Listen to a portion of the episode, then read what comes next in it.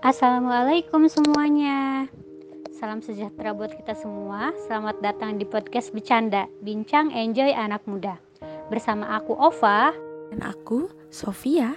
Semoga dapat bermanfaat bagi semua sobat bercanda di mana pun kalian berada. Nah, Sofi, hari ini kan kita lihat nih anak muda tuh sekarang udah mulai aktif juga menyuarakan menyuarakan anti radikalisme, ekstremisme dan eh, terorisme itu tadi. Kira-kira satu bulan ya, satu bulan sebelum Ramadan ada dua uh, aksi uh, teror. Yang pertama itu adalah bom bunuh diri di Makassar dan yang kedua adalah uh, penyerangan markas kepolisian Republik Indonesia. Nah, dari dua kejadian ini uh, waktu kejadiannya tuh berdekatan dan yang kedua adalah mereka meninggalkan surat wasiat ya uniknya surat wasiat ini punya kesamaan gitu loh yang pertama sama sama-sama bilang kalau bank itu adalah riba dan yang kedua mereka menekankan bahwa uh, meninggalkan sistem negara demokrasi yang dianggap togut seperti itu. Nah sebetulnya e, gimana sih narasi-narasi yang mereka terima selama ini sampai mereka tuh kok punya ya pemikiran-pemikiran kayak gitu? Bener banget nih Kak Ova, penasaran banget nih gimana ya konsep dari kesetaraan gender atau keterlibatan dari perempuan masuk ke ruang publik yang digaungkan juga oleh kelompok ekstremis yang mana seperti yang kita tahu perempuan dan bahkan Eh, pasangan suami istri sudah menjadi aktor terorisme. Nah, untuk tahu lebih lanjut biar kita nggak menerka-nerka di tengah kita udah ada narasumber hebat yaitu Kariska dari ruang obrol.id. Oke, halo kakak.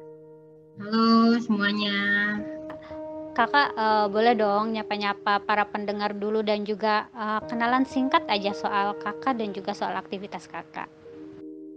Oh iya, uh, halo nama saya Rizka. Uh, saya uh, program manager dari ruangobrol.id, uh, tapi juga uh, sekaligus peneliti di bidang radikalisme dan terorisme. Uh, kalau ruang ngobrol ID sendiri sebenarnya dibentuk uh, sebagai uh, portal atau website narasi alternatif buat komunitas-komunitas yang suka dengan isu ini. Uh, dan juga uh, kita sebenarnya bukan cuma online sih, tapi juga ada beberapa kegiatan yang offline, yaitu misalnya kayak pendampingan atau misalnya uh, kita capacity building buat RT RW di daerah uh, untuk kayak membantu nantinya narapidana terorisme kalau kembali ke wilayahnya gitu. Ya persiapan mereka pulang lah supaya ma, ma, supaya dalam proses uh, reintegrasinya lebih mudah. Sebenarnya kayak gitu sih. Terus juga uh, kita misalnya uh, ngelakuin juga beberapa kampanye-kampanye di sekolah-sekolah di kampus-kampus. Mengenalkan anak muda lah tentang bahayanya radikalisme dan terorisme gitu aja sih. Itu sedikit udah disinggung ya kak kalau uh, tujuan dari ruang obrol ID itu jadi media alternatif ya untuk uh, katakanlah seperti counter narasi gitu nggak sih kak? Soal isu-isu radikalisme gitu terorisme hmm. gitu. Ya Iya bisa dikatakan kontra narasi sih, tapi uh, akan nggak begitu produktif sih karena kalau kontra jadi lebih kayak uh, alternatif alternatif aja narasinya selain kalau misalnya mereka ngomong A kita nggak ngomong A, lawannya A, tapi kita ngomong B, ngomong C, ngomong D. Jadi yang kira-kira juga relate dengan isu tersebut gitu. Data dari uh, Yayasan Prasasti Perdamaian soal uh, ya. jumlah pelaku teror dalam rentang usia 24 sampai 25 itu adalah usia yang lebih tinggi dan berpotensi untuk melakukan teror dan juga lebih banyak dibanding usia-usia lainnya. Nah, itu kan artinya ya. uh, mereka itu ada uh, generasi milenial gitu ya kak. Nah kira-kira apa sih kak perbedaannya antara uh, gerakan radikal dan juga gerakan uh, teror kayak gitu? Oke, jadi kalau gerakan biasanya kita uh, pakai istilah pathway-nya itu ada radikal, terus ke ekstremis, terus ke teroris. Jadi ada prosesnya biasanya tuh uh, dia akan radikal dulu, terus ekstremis dan teroris. Jadi kalau misalnya radikal um, uh, memang pemikirannya itu sangat keras, terus uh, lebih ke hal-hal mendasar, fundamentalis gitu. Tapi kalau misalnya uh, ekstremis biasanya yang lebih ekstrim, jadi kayak kelompok kayak jamaah Islamiyah atau ISIS itu dikategorikan ke kelompok ekstremis biasanya. Tapi kalau kelompok te uh, kalau teroris itu sendiri saat mereka um, udah melakukan aksi, jadi kalau udah aksi sebutnya udah udah lebih dari ekstremis itu teror kayak gitu. Definisi-definisi ini masih sangat debatable ya karena kalau di dunia internasional sekarang tuh pakainya bukan terorisme lagi tapi violent extremism uh, kekerasan ekstrim gitu. Nah tapi kalau kita sendiri uh, biasanya di aktivis-aktivis sudah mulai pakai violent extremism sih. Nah uh, terkait hal itu sebut sebut aja kita supaya lebih uh, populer uh, kelompok teroris belakangan mengarahkan ke anak muda. Sebenarnya uh, kalau anak muda secara spesifik itu baru diarahkan memang se semenjak ISIS, tapi kalau uh, sebelum-sebelumnya kayak misalnya waktu jamaah Islamiyah juga rata-rata anak muda udah banyak bergabung. Kayak misalnya yang pelaku bom bunuh diri itu bom Bali pertama itu juga anak muda umurnya 25 tahun sampai 30-an. Jadi saat itu uh, dia masih sangat muda jadi bukan bukan kali pertama atau misalnya mereka yang dikirim ke Afghanistan tahun 1980-an itu rata-rata memang tentang usianya itu 25 sampai 35-an kan kurang dari 25 tahun sekitar 20 tahun tuh udah banyak yang berangkat ke Afghanistan uh, untuk melakukan pelatihan militer bersama Al-Qaeda. Jadi uh, keterlibatan anak muda itu udah dulu anak muda udah menjadi uh, target rekrutmen gitu. Uh, tapi memang kalau sekarang anak muda itu lebih ditonjolkan, lebih kayak diliatin banget. Kalau dulu itu kan pemimpin-pemimpinnya tata masih udah tua karena memang uh, pemikirannya itu uh, lebih kayak fundamental, jadi lebih mengakar uh, jamaah Islamiyah, jadi lebih ideologis. Sekali memang saat mereka melakukan aksi itu udah melewati kaderisasi yang panjang. Jadi biasanya udah uh, tidak mudah lagi saat melakukan aksi. Tapi kalau ISIS ini baru sebulan dua bulan ikut ISIS sudah bisa aksi. Tadi kan dijelasin kalau misalkan ya anak muda itu sekarang lebih berani dan lebih ditonjolkan gitu nah kenapa iya. baru-baru ya. ini itu perempuan yang malah lebih berani suami dan istri dan itu juga melibatkan seorang perempuan itu menurut Kariska gimana? Uh, iya, nah kalau suami istri ini memang uh, memang jadi fenomena baru semenjak uh, adanya ISIS. Jadi ISIS itu kan deklarasi sekitar 2014. Jadi mereka yang namanya ngebangun uh, pada dasarnya gini, mereka kan pengennya ngebangun negara. Yang namanya ngebangun negara nggak cukup cowok doang dong, tapi ada ceweknya, maksudnya ada istrinya, ada uh, seorang ibu, ada anak-anak. Jadi uh, anggota mereka itu bukan cuma laki-laki tapi juga seluruh keluarga, seluruh elemen keluarga juga menjadi anggota. Jadi saat misalnya uh, begitupun dalam aksi bukan cuma bergabung sama mereka tapi dalam aksi pun perempuan juga diperbolehkan. Nah, nah itu memang uh, terjadi dari misalnya dari 2016 uh, kasusnya Dian Novi misalnya yang kita temuin itu kan dikoordinator dikoordinirnya oleh si suaminya atau misalnya dalam aksi-aksi di Poso itu suaminya misalnya berperang uh, istrinya juga dipersiapkan untuk ikut perang gitu hmm. jadi uh, memang semenjak uh, ISIS ini istri nggak cuma melakukan hal-hal uh, logistik kayak waktu jamaah jamaah Islamia yang cuma kayak uh, menyimpan rahasia-rahasia suami di rumah gitu, tapi juga menjadi aktor yang tampil untuk aksi gitu loh. Itu perempuan sekarang memang lebih aktif dan lebih ngambil banyak peran. Suami istri itu banyak juga yang jadi uh, koordinator koordinator untuk uh, pendanaan-pendanaan. Jadi uh, bukan cuma pendanaan tapi kayak uh, rekrutmen uh, atau misalnya aksi-aksi lainnya uh, kayak perencanaan itu biasanya juga banyak udah mulai banyak kok uh, suami istri yang terjerat. Jadi misalnya bom Surabaya juga itu bahkan sekeluarga. Ya sekeluarga. terus juga itu ya itu dua lagi. Atau misalnya bom Sibolga itu dia isi istrinya yang uh, meledakan diri setelah dikepung sama Densus 88 uh, ketika si suaminya sudah ditangkap. Jadi memang aksi-aksi suami istri ini memang ada semenjak ISIS saja kan. Nah, uh, menjadi kayak kemajuan juga sih. Jadi itu lebih memberdayakan perempuan untuk berada di depan gitu loh. Tapi setidaknya si perempuan ini bisa mengambil inisiatif-inisiatif untuk ada di depan. Uh, sedangkan kayak misalnya kelompok-kelompok uh, moderat uh, masih banyak yang mengutamakan uh, perempuan tuh memang benar-benar di belakang laki-laki gitu. Tapi kalau misalnya isi itu ya udah si, si perempuan ini bisa uh, maju meskipun doktrin-doktrin ini sangat masih sangat patriarki ya, tapi mereka boleh maju sendiri gitu.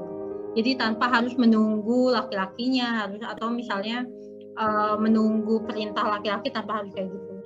Oh, pertama itu tadi ya kak uh, ide-ide feminis yang perempuan boleh tampil di publik gitu kan sekarang. Iya.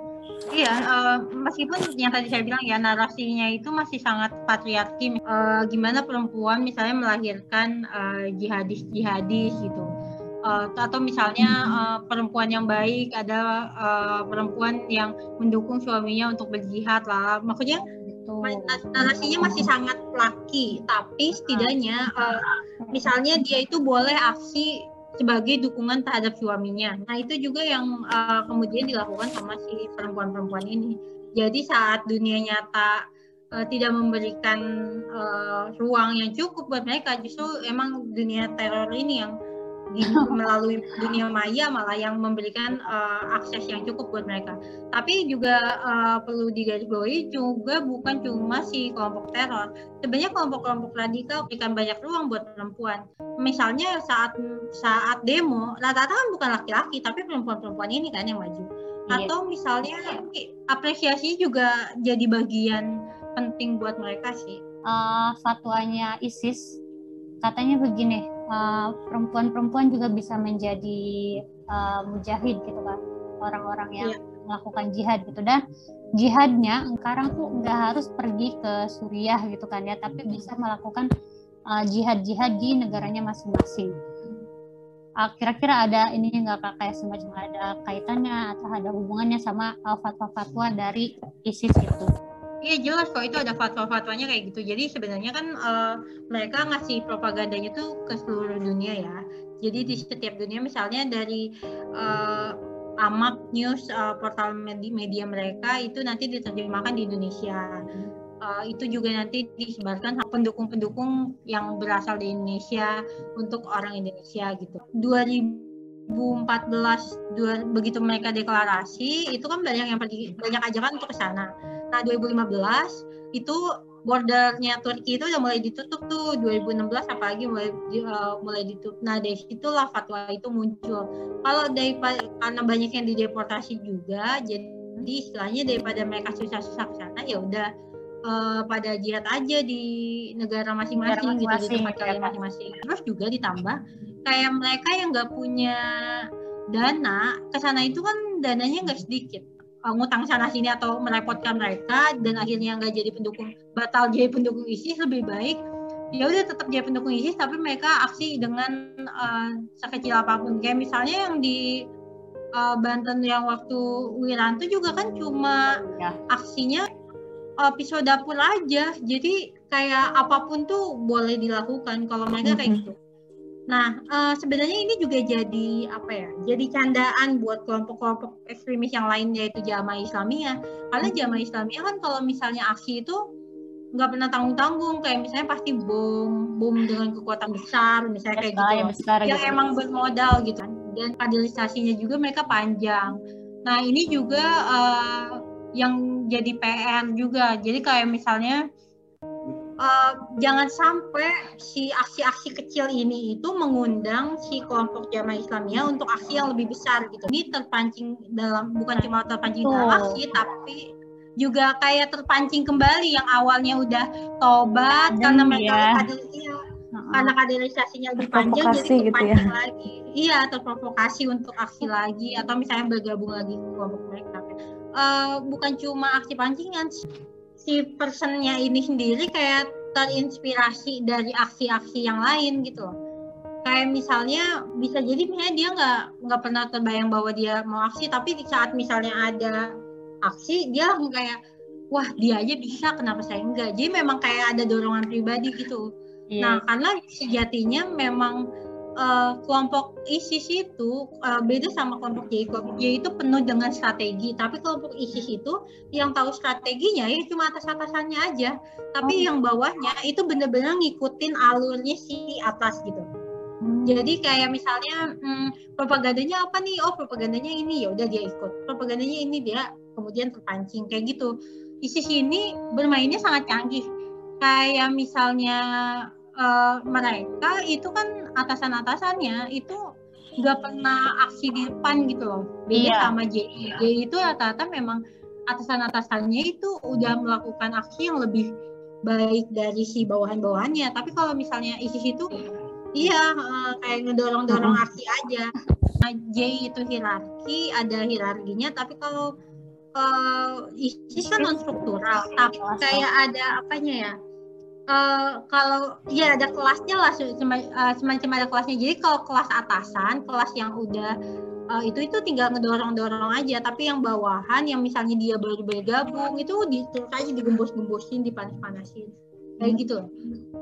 Nah, uh, iya sih. Jadi kayak itu sangat beda banget strukturnya. Nah, kalau selain juga non strategi, ISIS ini juga uh, marketingnya kan hebat banget ya. Landasan-landasan kayak problem-problem individual. Uh, kebanyakan uh, ikutan gara-gara adanya krisis eksistensi ya yang tadi kita sebutin. Ya. Nah ini lebih gede dari krisis eksistensi tersebut atau karena emang mereka tertarik dengan ideologinya? Biasanya sih kalau dalam hal ISIS itu lebih besar krisis eksistensi ya. Biasanya banyak juga uh, masalah mental health, jadi masalah kesehatan mental mereka. Hmm. Nah, uh, mereka tuh misalnya tertekan, terus kayak banyak, terlalu banyak tekanan dari sosial maupun misalnya dari keluarga, atau misalnya uh, ada hal-hal yang lain yang mengganggu pikiran mereka yang akhirnya tuh uh, membuat mereka kayak mengambil jalan ini. Jadi sebenarnya gini, uh, untuk bunuh diri atau untuk aksi apalagi kayak aksi-aksi bom bunuh diri itu bukan hal mudah. Uh, untuk mereka kemudian syahid itu bukan bukan kayak ah udah mati aja nggak kayak gitu. Tapi memang ada ada proses ada proses pengambilan keputusan. Ya pengambilan keputusan itu Iya, kalau misalnya istilahnya nggak mepet-mepet amat, saya rasa mereka nggak akan ngelakuin kayak gitu. Kalau nggak depresi-depresi amat atau putus asanya tidak mendalam, mereka nggak akan kayak gitu.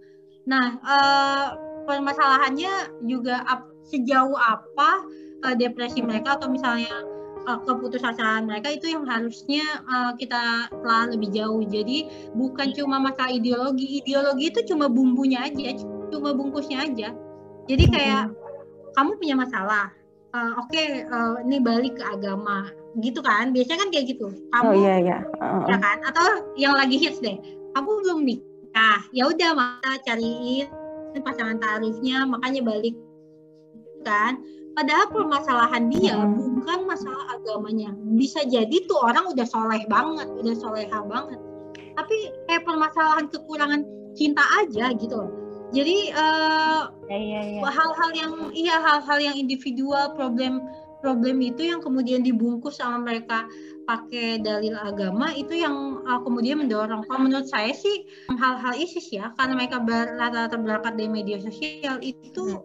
jarang kalau misalnya karena ideologi. Di ideologi-ideologi yang uh, disebarkan oleh ISIS lewat media-media uh, sosial itu ah jadi salah satu indikator gitu, uh, pelaku teror kemarin di uh, Brimopolda itu kayak semacam meninggalkan surat wasiat gitu. Dan surat wasiatnya itu sama dengan yang pelaku bom bunuh diri di Makassar kayak uh, jangan uh, menggunakan bank gitu kan ya. Terus uh, hmm. demokrasi itu togut dan lain sebagainya. Sebetulnya uh, magic apa sih atau kalimat-kalimat uh, apa sih yang di ucapkan gitu kan uh, untuk orang-orang yang uh, baru banget uh, ini gabung sama ISIS gitu. Nah itu dia. Uh, jadi yang pertama itu biasanya narasinya sangat relate sama kehidupan mereka sehari-hari.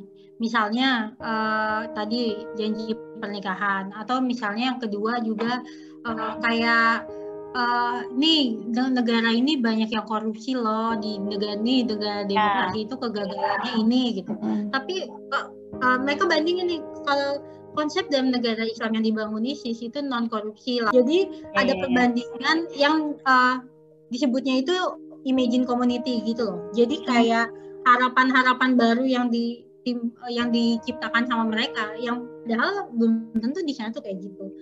Secara teknisnya mereka itu mengkonsumsi itu tiap hari.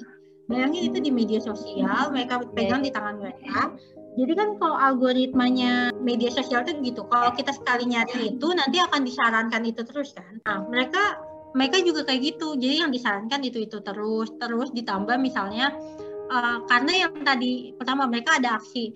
Nah narasi yang dibangun sama si kelompok ISIS atau kelompok ekstremis ini rata-rata juga cukup banyak gitu. Mereka itu rajin nge-share. Gak kayak kita kalau kita tuh cuma nge-like doang. Kalau mereka yeah. tuh pasti share.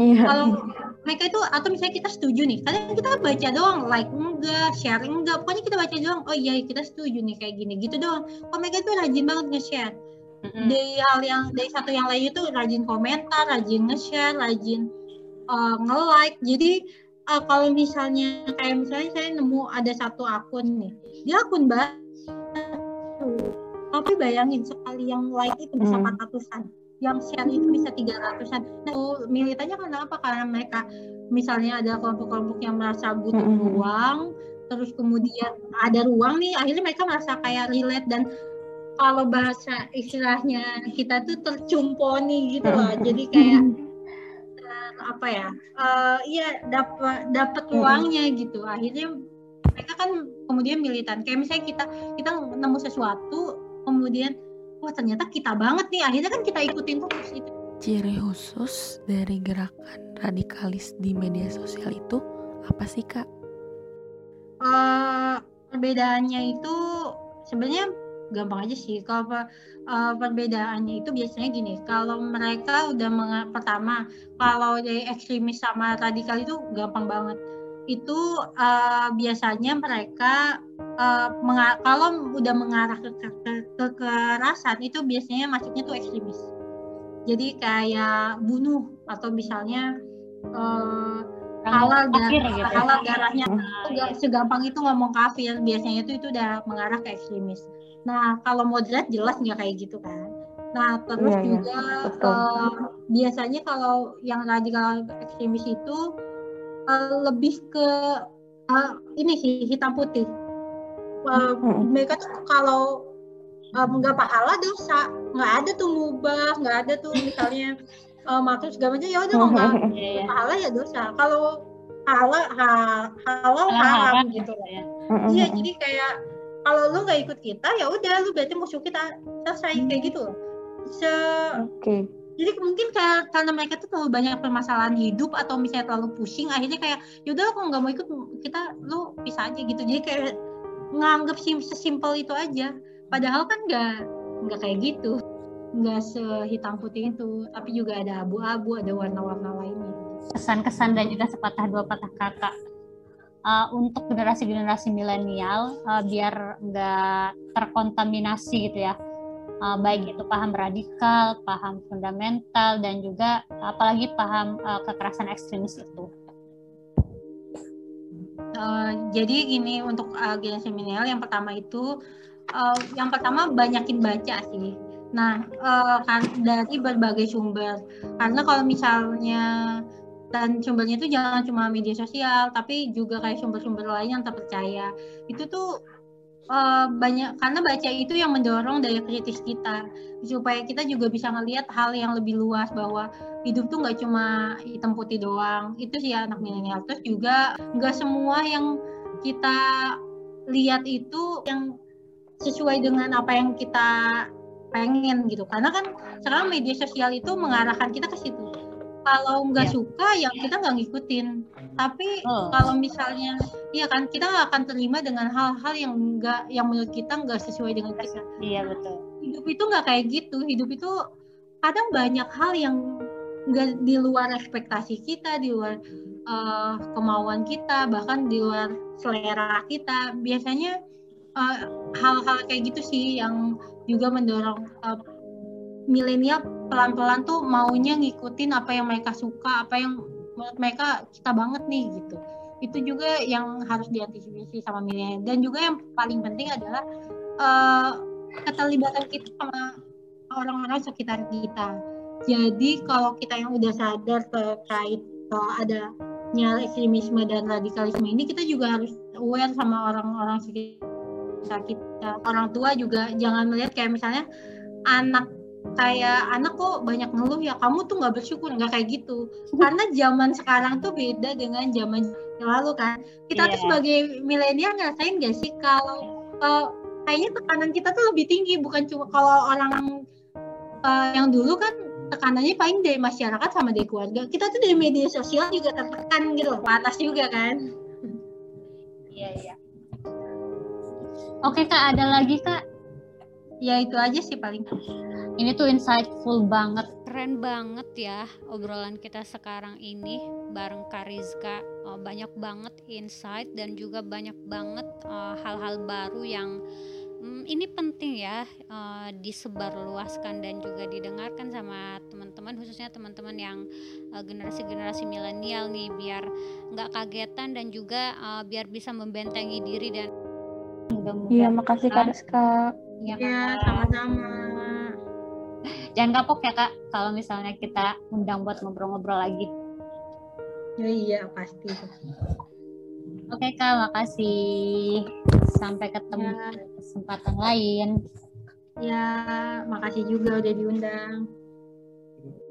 Terima kasih sudah berkenan dengar di Bincang Enjoy Anak Muda. Mohon maaf apabila ada kesalahan. Assalamualaikum warahmatullahi wabarakatuh.